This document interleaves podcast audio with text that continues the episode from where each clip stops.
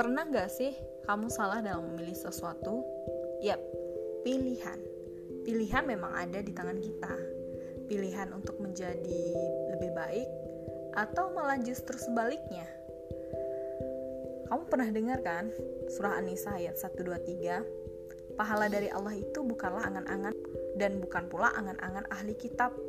Barang siapa mengerjakan kejahatan, niscaya akan dibalas sesuai dengan kejahatan itu dan dia tidak akan mendapatkan pelindung dan penolong selain Allah.